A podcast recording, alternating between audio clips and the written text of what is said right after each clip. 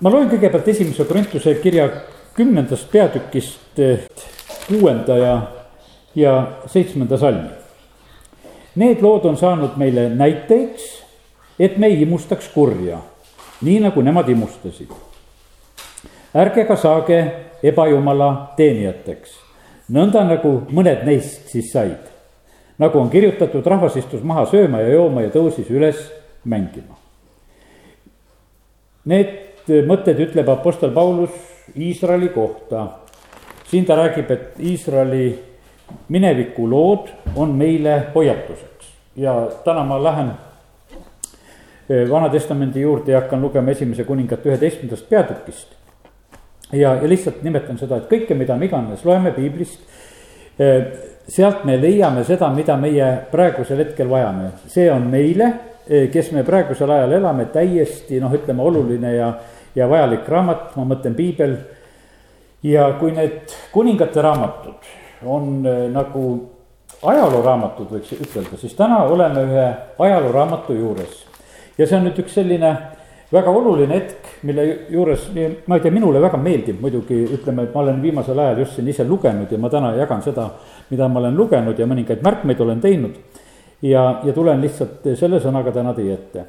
Ja võtan just selle koha, kus Iisrael jaguneb kaheks pärast Salomoni, aga just algan ka veel Salomonist ja algan ainult selle koha pealt, kus Salomon juba teeb oma elus valesid valikuid, kus ta langeb ja mille pärast need asjad hakkavad, hakkavad sündima. ja nüüd eh, sellest jutust on, ma ütlen, et siin on leida kõike. siin on riigi jaoks, siin on majanduse jaoks, siin on inimeste elu jaoks, sellepärast et vaata, meie elame kuskil riigis, me elame konkreetses Eesti riigis. kõik need seadused, mis siin praegusel hetkel iganes tehakse, need mõjutavad meid kui tehakse head seadused, et, et makstakse näiteks lastetoetusi, no siis on, kellel on lapsed, siis on meil tore, et arve peale tuleb raha. lätlastega siin rääkisin, nemad kadestavad meid selle koha pealt, ütlevad, et neil nii hästi ei ole. Et hoopis, hoopis kitsim on Läti riik näiteks lastetoetuste koha pealt ja sellepärast need sõltuvad, need asjad sõltuvad riikidest, valitsustest ja sellepärast, kui ma räägin täna kuningatest, siis kuningad tegid ka otsuseid. ja, ja need mõjutavad inimesi ja, ja nii, et nüüd hakkan pihta, et rohkem siin sissejuhatust selliselt ei tee. siis Salomoni elus on niimoodi, et tal on omad ilmutused jumala käest, tal on väga palju tarkust.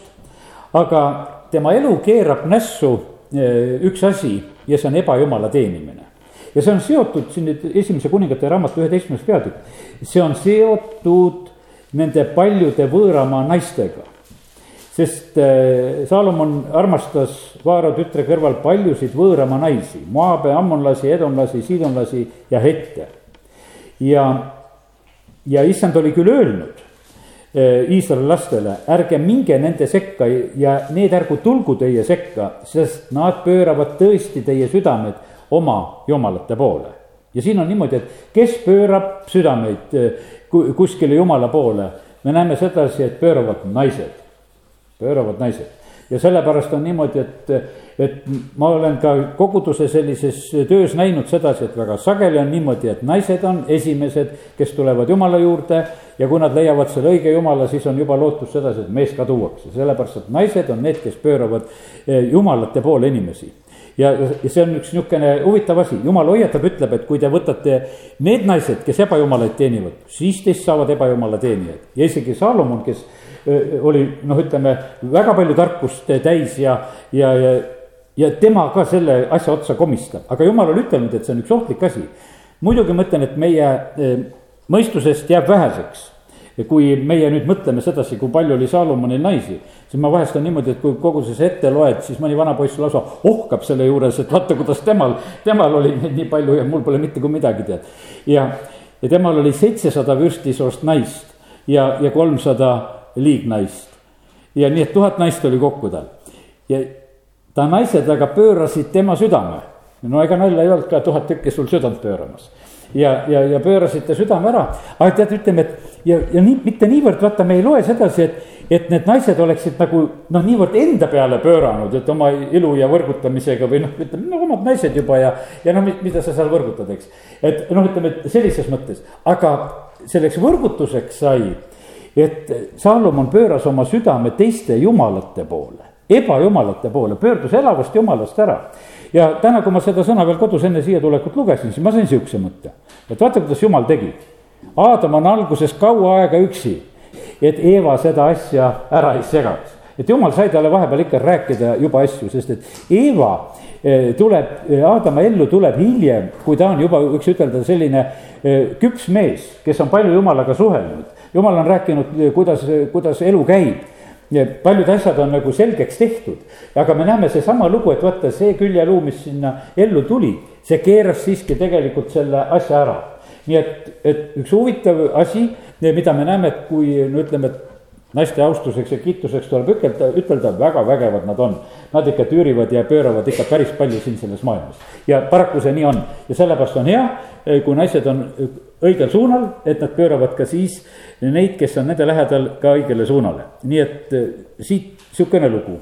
aga nüüd, eh, nüüd, et Salomon seda tegi, et hakkas eh, ebajumalaid teenima ja noh, ja tema läks selles asjas nii kaugele, et ta ju ehitab neid ohvrikünkaid ebajumalatele ja, ja nii, et ja paneb sinna neid sambaid püsti ja, ja ta teeb seda kõigi oma nende naiste pärast. aga üheksas salm juba ütleb siin, aga issand vihastas Salomoni peale. Sellepärast, et ta oma, et ta oli oma südame ära pööranud issandast ja issand oli talle ennast paar korda ilmutanud ja nüüd, nüüd Salomon otsustas, et ta teeb niimoodi. ja nüüd me näeme, et see toob, see toob riigi elus muutused. mis asjad toovad riigi elus muutused? meil on vahest niimoodi, et miks tuleb mingisugune riigikorra muudatus. ja siin on väga selge vastus selle koha pealt. sest et issand ütles, et aga vaata, nüüd on niimoodi. nüüd ma tulen selle sinu kuningriigi kallale ja ma võtan ta sinu käest ära ja annan sinu sulastele. jumal ütleb, et hea küll, et see sünnib, aga see sünnib sinu pojapäevil. ja et sinu isa Taaveti pärast ja ma jätan igal juhul ühe suguroo vähemalt no hiljem, nagu me näeme, et seal jäi kaks, Benjamin jäi ka juudega koos. ja, ja jumal niimoodi nendesse asjadesse sekkub ja sellepärast on nii, et kui siin selles maailmas sünnib riigikordade ja valitsuste ja igasugu muutusi. Siis ma ütlen, et me võime täitsa rahuga sellega, selle peale mõelda, et mis siin toimub mis jumalaid teenitakse, sest et põhjused tegelikult tulevad sealt, sellepärast et jumal ühel hetkel lihtsalt lubab asjadel muutuda. Ja eriti siis ta lubab muutuda, kui inimesed pöörduvad ära eh, temast. Järgmine asi, mis sünnib eh, selles üheteistkümnendas peatükis, eh, me peame meeles pidama seda, et, et jumal on samasugune ja need on hoiatavad lood. Ja kui nüüd kuningas Salomoniga juhtus niimoodi, et jumal hakkas ta käest kuningriiki ära võtma, siis jumal hakkas talle tõstma vastaseid. ta hakkas tõstma vastaseid, neliteist salm ütleb sedasi, üksteist, neliteist. ja issand tõstis Salomonile vastase, edomlase Hadadi. ja, ja teate, seal on niisugune no ütleme, selline põhjus ka nagu natukese näha. sest et Taavet oli kunagi vallutanud Eedomi ja koos oma väepealiku Jaabiga. Ja, ja nad olid seal tegelikult pisut pikemat aega ja nad viibisid seal kuus kuud. kuni nad Eedomis olid hävitanud kogu meessoo, kuusteist salm ütleb seda. ja, ja siis juhtub niimoodi, et siis põgenes ära sealt see Hadad, üks väikene poiss. Hadad oli väikene poiss Nad põgenesid ära Egiptusesse.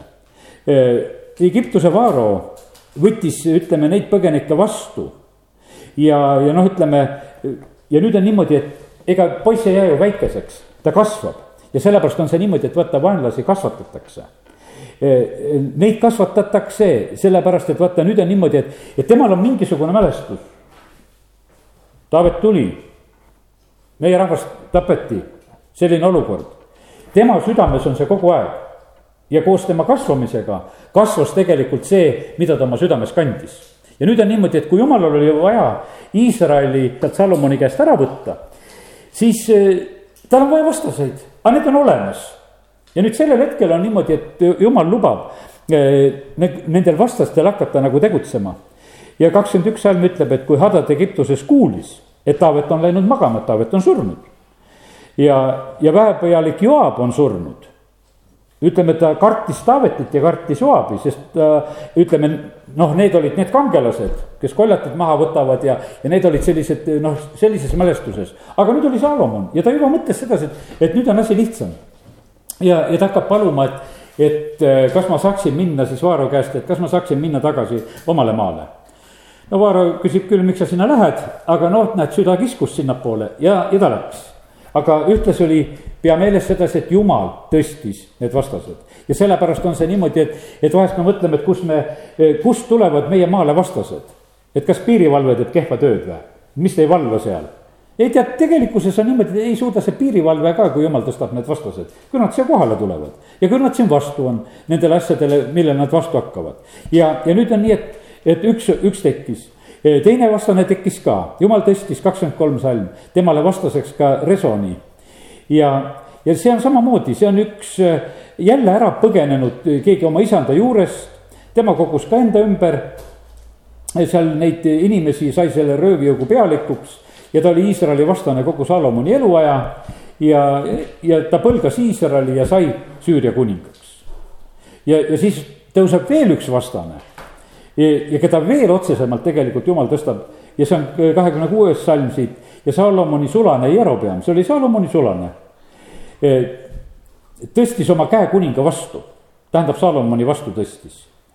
ja see põhjus, miks ta tõstis oma käe kuninga vastu Saalomon ehitas kindlust ja sulges läbimurdekoha oma isa Taaveti linnas. Jerobeam oli väga tubli mees ja kui Salomon nägi, kuidas see noor mees tööd tegi, siis ta pani kogu Joosepi soo töökohustuse ülevaatajaks. ja nüüd sünnib hoopis midagi sellist, mis üldse Jerobeamist ei sõltu, sellepärast et nüüd on niimoodi, et sinna tuleb, sellesse mängu tuleb juurde üks prohvet, Ahija, kes ühel päeval, kui ta kohtub Jerobeami siis ta haarab kinni ta kuuest kolmkümmend salm. ja tal oli veel isegi uus kuub oli seljas, on öeldud. ja kiskus selle kaheteistkümneks tükiks. Ütleme, et kui sa paned endale uued riided selga ja sul mingisugune prohvet vastu tuleb ja tirib need kaheteistkümneks jupiks. no ega sa väga rõõmus ei ole, aga paraku see niimoodi sündis, et see uus kuub tehti tükkideks. ta ütles Jerobeamile kolmkümmend üks salm, võta enesele kümme tükki, nõnda ütleb issand Iisraeli jumal. vaata, ma kisun kuningriigi Saalomoni käest ja annan kümme suguharu sinule vaata, millised noh, eh, väga selged pildid olid, e-, ega Jerobeam oli niimoodi, et ta oli väga hea töömees, ta oli pealik.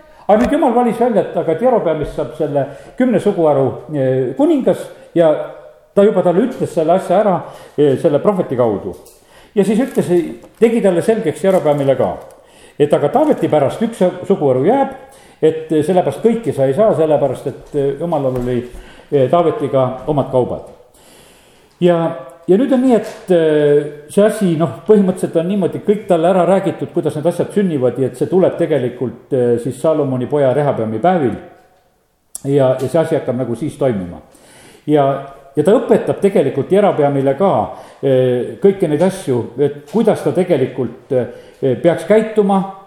siin on, ma ei hakka kõike seda siin ette lugema, aga me näeme sedasi, et kuidas jumal tegelikult valib ja korraldab tegelikult neid, neid asju aga nüüd edasi, mis ma tahan tähe, tähelepanu juhtida sedasi, et noh, ütleme mind ennast on ka noh, läbi aegade ikkagi nagu häirinud näiteks see sõna demokraatia. aga täna õhtu eh, mõtleme sellele asjale nüüd eh, veel ühe nurga alt. me näeme sedasi, et nüüd on niimoodi, et Iisraelis on potentsiaalselt kaks liidrit tekkinud. Üks on eh, Salomoni poeg Rehabeam, kes lihtsalt sünnijärgselt Eh, saab nagu selle, eh, nagu selle positsiooni nagu Salomoni järglasena ja teine on Jerobeam. aga teate, kes, kes kuningaid tõstab? kuningaid tõstab rahvas. ja sina, kes sa siin täna istud, sa oled rahva hulgas. ja sina tõstad siin maal selle kuninga, keda sina tõstad. kui see tõstab kuradit, siis on kurat kuningas siin maal kui sa tõstad Jeesust, nagu me täna laulsime, siis on Jeesus siin kuningas maal. see sõltub sinust, meile vahest tundub niisugune, et ah, mina, mis minust siin sõltub. aga sinust sõltub, kes on kuningas. meie soorust tõstame, et issand on Jeesus, tema valitseb, issand on kuningas, me tõstame teda kõrgeks, meie teeme seda, me näeme sedasi, et siin oli kaks meest, et see Rehapeam ja Jerobeam, need on lihtsalt kaks, kaks inimest ja nüüd on niimoodi, et selle kuningaks tõstmise teeb siiski rahvas, et kes võtab? Ja, ja paned tähele, siin on niimoodi, et ikkagi nagu rahva roll on tegelikult täiesti selline olemas.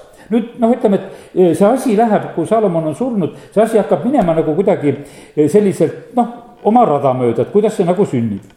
Eh, kaksteist peatükk hakkab rääkima, Rehabeam läks Seekemisse, sest kogu Iisrael oli tulnud Seekemisse teda kuningaks tõstma sest et noh, et ütleme, esimesel hetkel oli niimoodi, et kogu Iisrael oli seda meelt, et noh, et äh, Saalomon oli kuningas, tema poeg äh, Rehapeam saab kuningaks ja kõik olid sellel meelel, et, et kui tuleb hääletamine, me hääletame kõik Rehapeami poolt, sellepärast et no tema peab kuningaks saama, kõik lähevad Seekemisse, et teda tõsta kuningaks.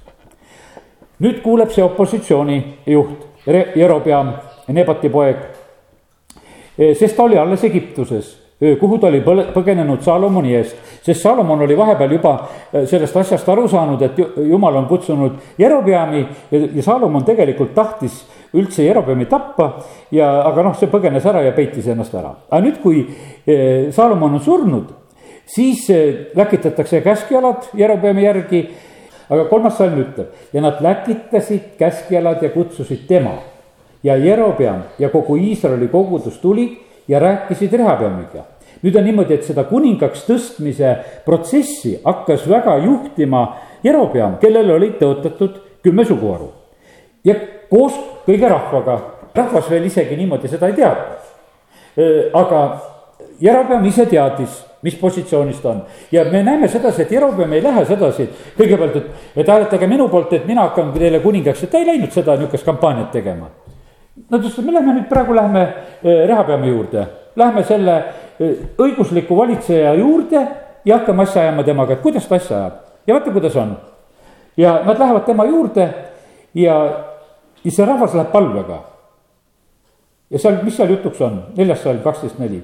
sinu isa tegi meie ikka raskeks, aga kergenda nüüd sina oma isa rasket teenistust ja tema ränka iket, mille ta meile on peale pannud, siis me teenime sind no lihtsalt on niimoodi, et oli küll väga tark kuningas ja rikkust oli väga palju, aga maksud olid suured ja elu oli keeruline ja raske ja rahvas läheb eesotsas Jerobeamiga ütleme, et teeme selle elu praegusel hetkel lihtsamaks ja korda.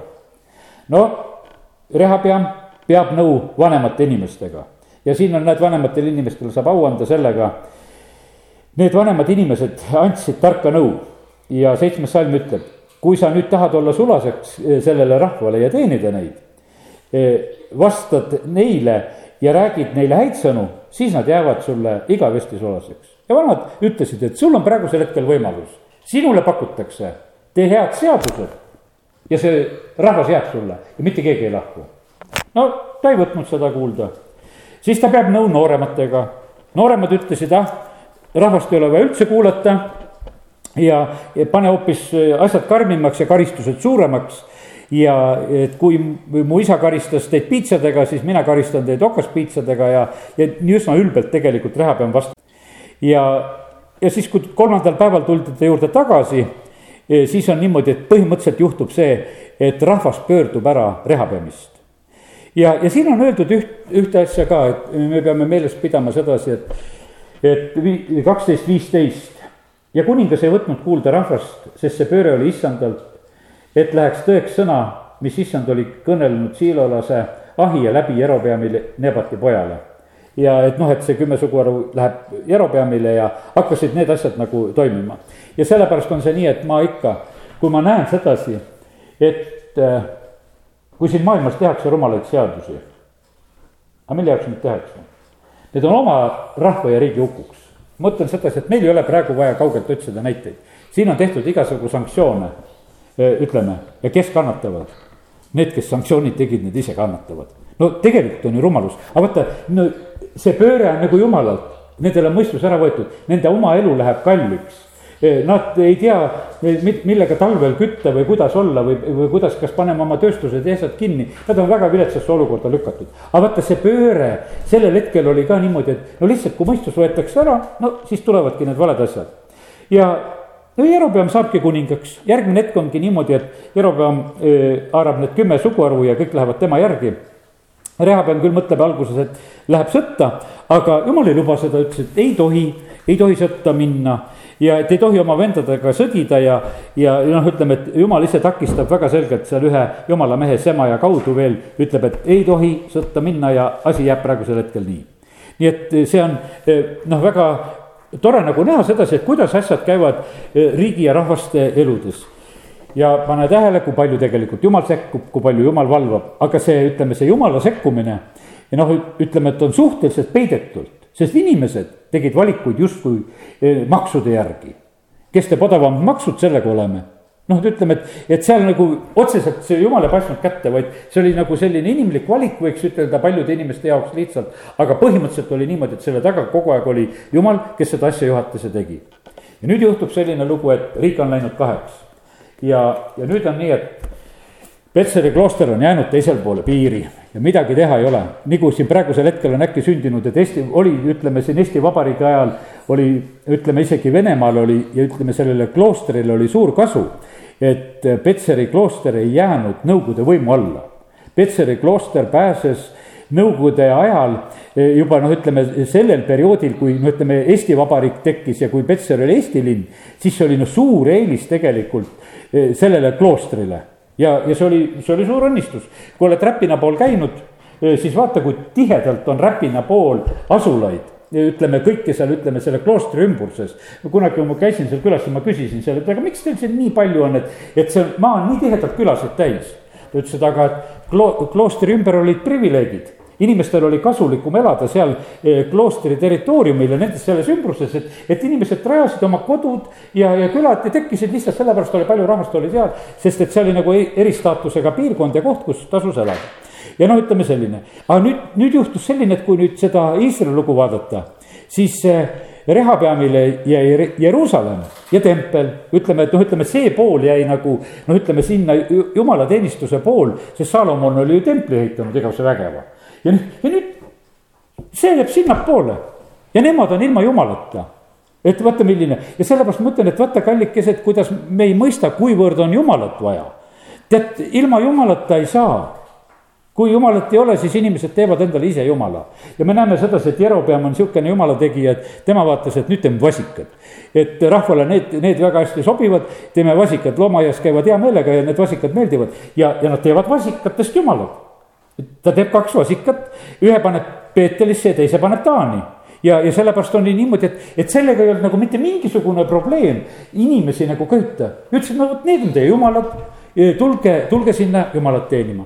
ja, ja inimesed tulid ta ehitas sinna ohvrikünkad ja rahvas ja siis on niimoodi, et üks asi on veel, mida, mida ise ei tohi teha, vaata, mida oma peaga ei tohi teha, mida nüüd Jerobeam tegi. ta hakkas sinna nendesse oma pühadesse paikadesse ja, ja neid, ühesõnaga neid preestreid, kes seal vasikate juures hakkasid teenima, neid võtma, neid, kes tahtis igaüks, kes tahtis, said, aga plõksti said sinna eh, tulla sellesse ametisse ja niimoodi ta korjas sinna ka eh, preestreid. ja Jerobeam ise, eh, noh, ütleme kolmeteistkümnendas peatükis. ja ütleme, et siin on nii palju asju, mis lähevad kogu aeg ühtemoodi, üks asi veel, millele juhin ka tähelepanu. et Jerobeam oli nii mures selle pärast, pühad tehti ka täpselt samal ajal. pühad tehti siis ütleme Iisraeli Iisraelis ja Juudas olid pühad ühel ajal, sellepärast et noh, et, et rahvas ei läheks pühadeks. mitte mingil moel ei läheks siis sinna Jeruusalemma, sest meil ka pühad ja, ja nii, et tehti kõik need asjad nagu selliseks takistamiseks, et, et keegi ei läheks noh, ütleme sinna juuda riiki, sest ta kartis, et äkki inimeste südamed pöörduvad siis Rehabeami poole.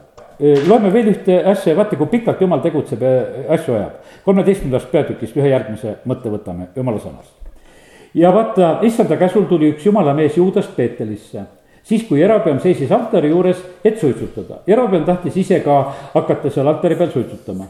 aga nüüd see jumala mees, kes tuli, hüüab issanda käsul altari poole ja ütleb, altar, altar, nõnda ütleb issand, vaata, Taaveti soole sünnib poeg, Joosia nimi. Ja ta tapab su peal ohvriküngaste preestreid, kes suitsutavad su peal ja su peal põletatakse inimluid kes te nüüd natukese aru saate, see on väga põnev koht. teate, kui palju oli aega Joose sünnini? kakssada viiskümmend aastat. ja ütelda ühe poisslapse nimi, kelle, mis pannakse kahesaja viiekümne aasta pärast ühele poisslapsele. aga siin öeldakse see nimi välja, sest jumalamees tuli ja jumal ütles sedasi, et sina ütled praegusel hetkel selle kuninga nime ka välja. Ja kui me nüüd loeme sealt, see on teise kuningate raamatu kahekümne kolmandast ma ei hakka seda lahti tegema, aga seal on konkreetselt, kus Joosia kaevab neid luid välja ja põletab neid luid. Ja see on kakssada viiskümmend aastat hiljem. vaata, jumal ei tee nalja, meie istume täna siin, aga me räägime tuhandeid aastaid taguseid lugusid. aga saa aru sedasi, et me jumal on üle aastasadade, on üle, on meie suguvõsades, värkides meie noh, mõtleme sedasi, me tunneme oma eh, lapsi ja lapselapsi ja tunneme oma vanaisa ja vanavanaisa heal juhul. ja, ja see on enam-vähem meile kõik, kuhu meie noh, ütleme, meie arusaamine ulatub, rohkem me ei tea. aga me näeme sedasi, et jumalal ei ole mitte mingi probleem ja ta vaatab üle aastasadade ja saadab prohvet ütlema. sina, Jerobeam, siin oma vasikate juures praegusel hetkel ja, ja teed seda. ja nüüd on niimoodi, et noh, kuningas muidugi vaatab, et kes see siin tuleb rääkima sihukest juttu ja ta sirutab oma käe välja seal ja vaata, mis siis juhtub, see neljas sõnum räägib, et, et kui ta oma käe välja sirutas, siis ta käsi kuivetus. noh, ta käsi kangestus ja ta ei saanud oma kätt enam tagasi võtta. ja, ja kuningas jäi nagu Lenin postamendi otsa. et käsi kuivetus ja noh, Leninit me sellepärast alati niimoodi näeme, et ta on alati seal, sest tema käsi ka kuivetus sinna. ja aga seal ei olnud enam prohvetit, kes ta kätt tagasi annab ja nüüd kui pro-, Lenin pikali tõmmatakse, siis ta tõmmatakse nii, et ta käsi on ikka püsti. sellepärast, et seda ta alla ei võta, kui ta püsti pani, sinna see jäi tal ja, ja, ja sellepärast me näeme, et ja siin on niimoodi, et aga sellel hetkel, kui Jerobeam nägi sedasi, et kuule, minu ihus. praegusel hetkel, kui mina julgesin siin midagi plõksuda, minu käsi jääb, kangestub ära, et ma seda enam tagasi ei saa. vaata, siis on ta niimoodi, et eh, siis ta küll siis eh, palub sedasi, siis kuningas hakkas paluma ja, ja kõnelema jumala mehele, leevenda ometi issand oma jumala palet ja palveta minu eest, et ma saaksin oma käe tagasi. jumala mees leevendas issanda palge ees siis seda asja ja ta sai oma käe tagasi ja see oli nagu ennegi. ja siis kuningas oli juba natukese leebem, ütles, et tule nüüd minu poole sööma kah.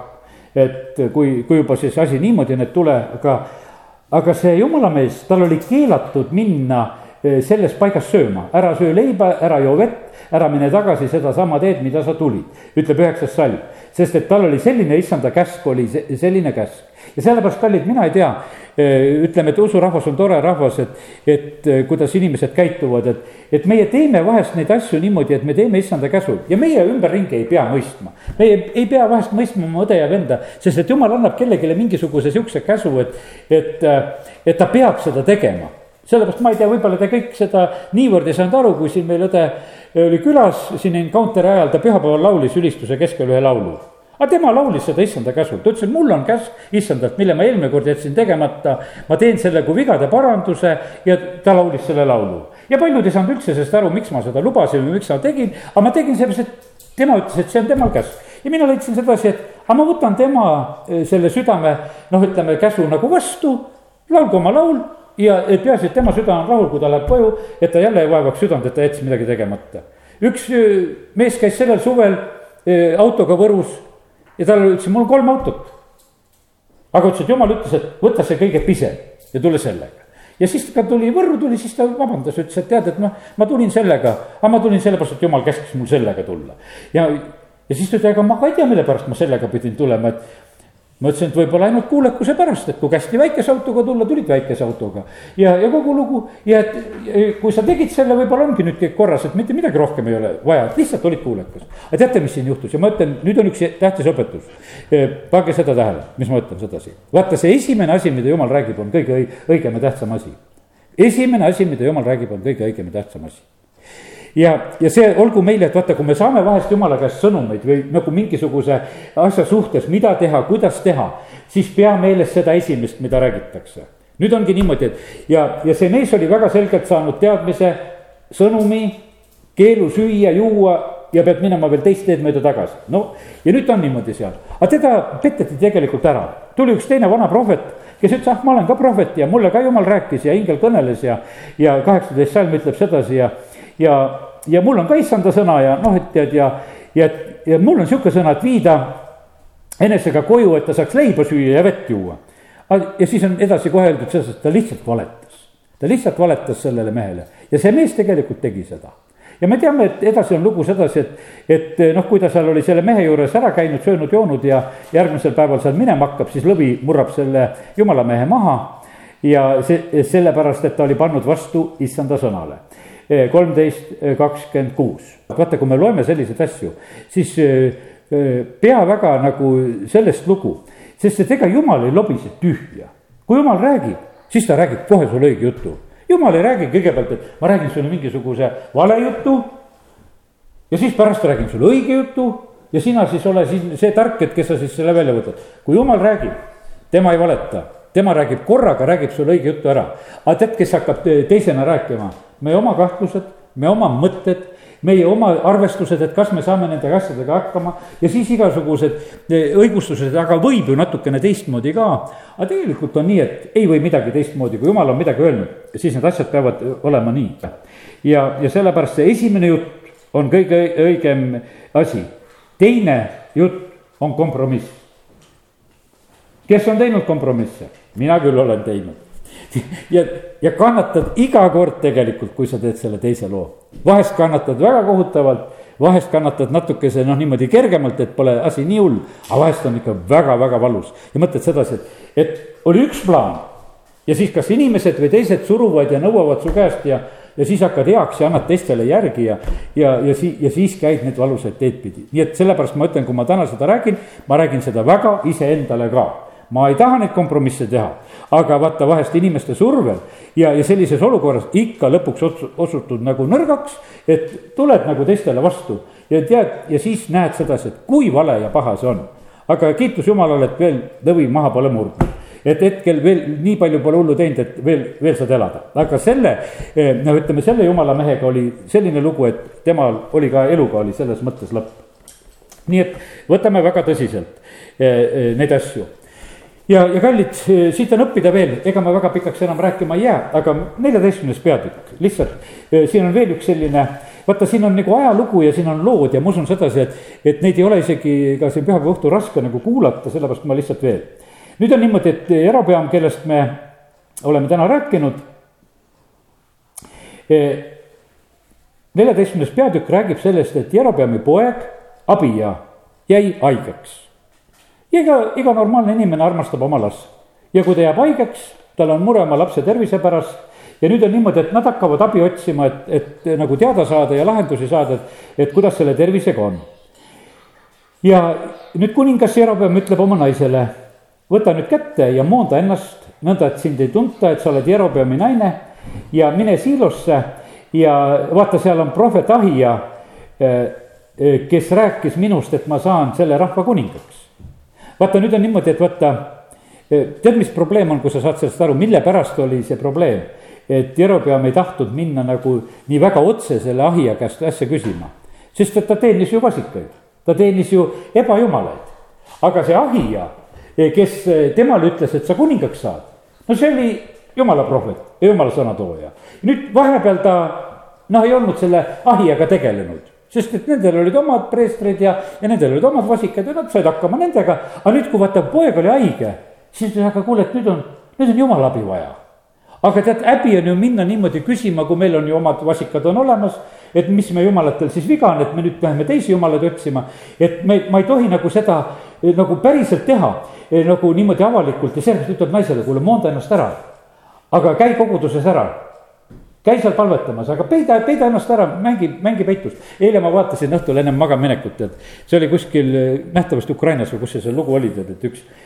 Eh, või Venemaal või võin eksida, siin kuskil ta oli, et üks, eh, üks naine oli ennast moondanud vanaks naiseks, ta oli niisugune kolmekümnendates naine tead, must rätik peas ja küürus tänaval ja kepp oli käes ja, ja nägu all ja istub tänava ääres ja kerjab. aga üks poiss oli igavene tark, kes seal oli, ütles, et kuule, no tõsta oma nägu üles, näita oma nägu, kui vana sa oled, tead, tead siis oli niimoodi, et siis oli nii tore kuulda, noore naise hääl kogu aeg rääkis seal talt vastu äh,, nägu ei tahtnud näidata, ta pärast ikka suutis ta näo ka üles keerata.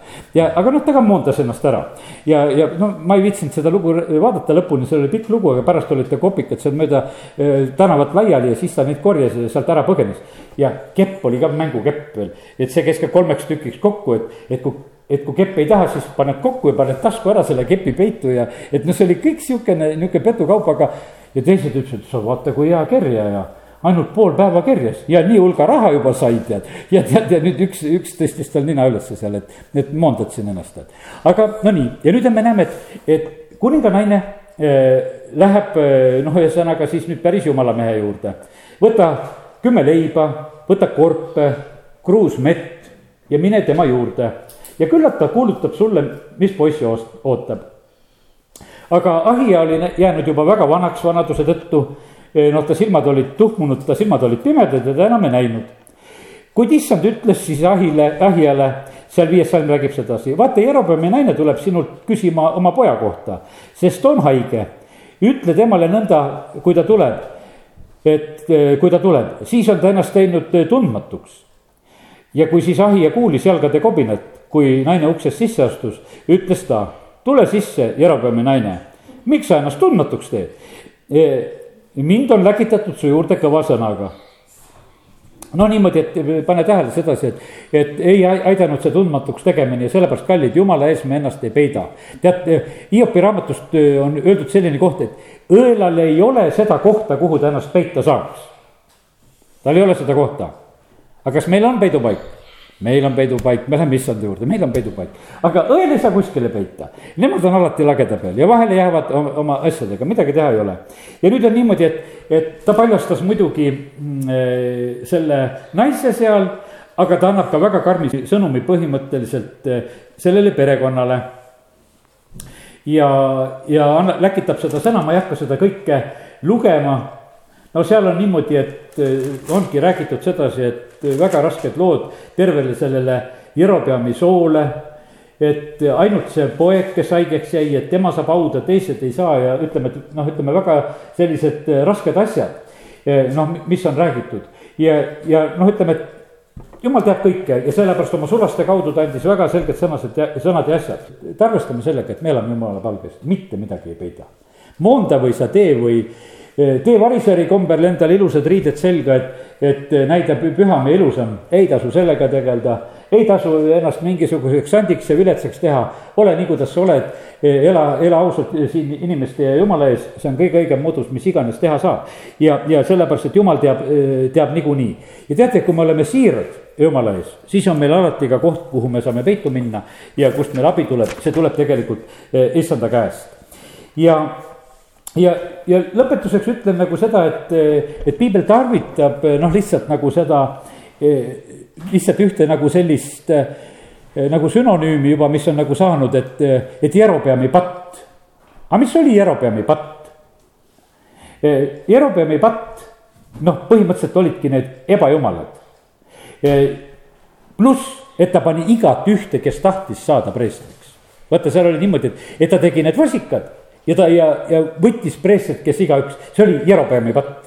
et ta tegelikult korraldas sellist ebajumala teenistust ja vaata, ja see oli tegelikult jumalale nagu kõige, kõige vastikum asi. mis ütleb esimene käsk, et armasta jumalat, siis on räägitud mida, et ärgu olgu sul muid jumalaid tema palge kõrval. tead, meie nähtavasti üldse noh, niimoodi ei mõtle.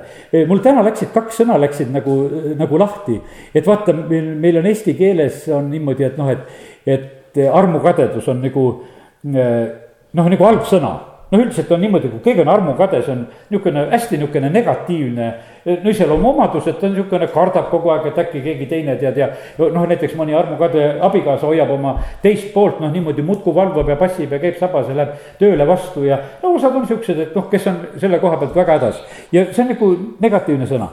aga sedasama negatiivset sõna tarvitab tegelikult jumal selle armastuse kohta, kuidas ta meid armastab ta armastab sihukese kiivusega, armukadedusega, et vaata, see kõige tähtsam asi on tegelikult, mis on jumalal, on inimese ja jumala suhe millist jumalat me teenime, et see läheb kõige rohkem läheb talle korda. meie mõtleme sedasi, et noh, et, et no mis see siis ka on, tead, eks, et, et kui me vahest võtame nagu lõdvemalt, jumal absoluutselt ei mõtle, mõtle nii.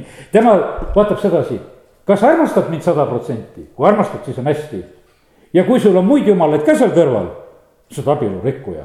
sa, sa ei ole üldse mulle truu, sa võid kõrvale ka veel kuskile ja, ja sellepärast on niimoodi, et jumal selle koha pealt on väga ja Jerobeami patt oligi selline, et, et jumalakoda jäi juudesse ja siis nad teevad omale, omale need suured vasikad ja, ja ohvripaigad. ja, ja, ja sellepärast on niimoodi, see sai patuks Jerobeami soole ja põhjuseks, et seda hukata ja maa pealt hävitada. kallid Need rahvad ja riigid, kes jumalat ei teeni, need hävitatakse. aga sa mõtle, Eesti rahvas püsib siit saadik. aga me täna aitasime ka sellele kaasa, sest et me teenisime seda jumalat, kes hoiab meie rahvast tegelikult. see ei ole naljaasi, et üks alla miljoni rahvas püsib, püsib ja püsib. ja teate, kui me oleme täna jumalat teeninud rahvamajas muideks, siis on suur eeldus sellel, et see rahvas veel püsib, sest jumal hoiab, aamen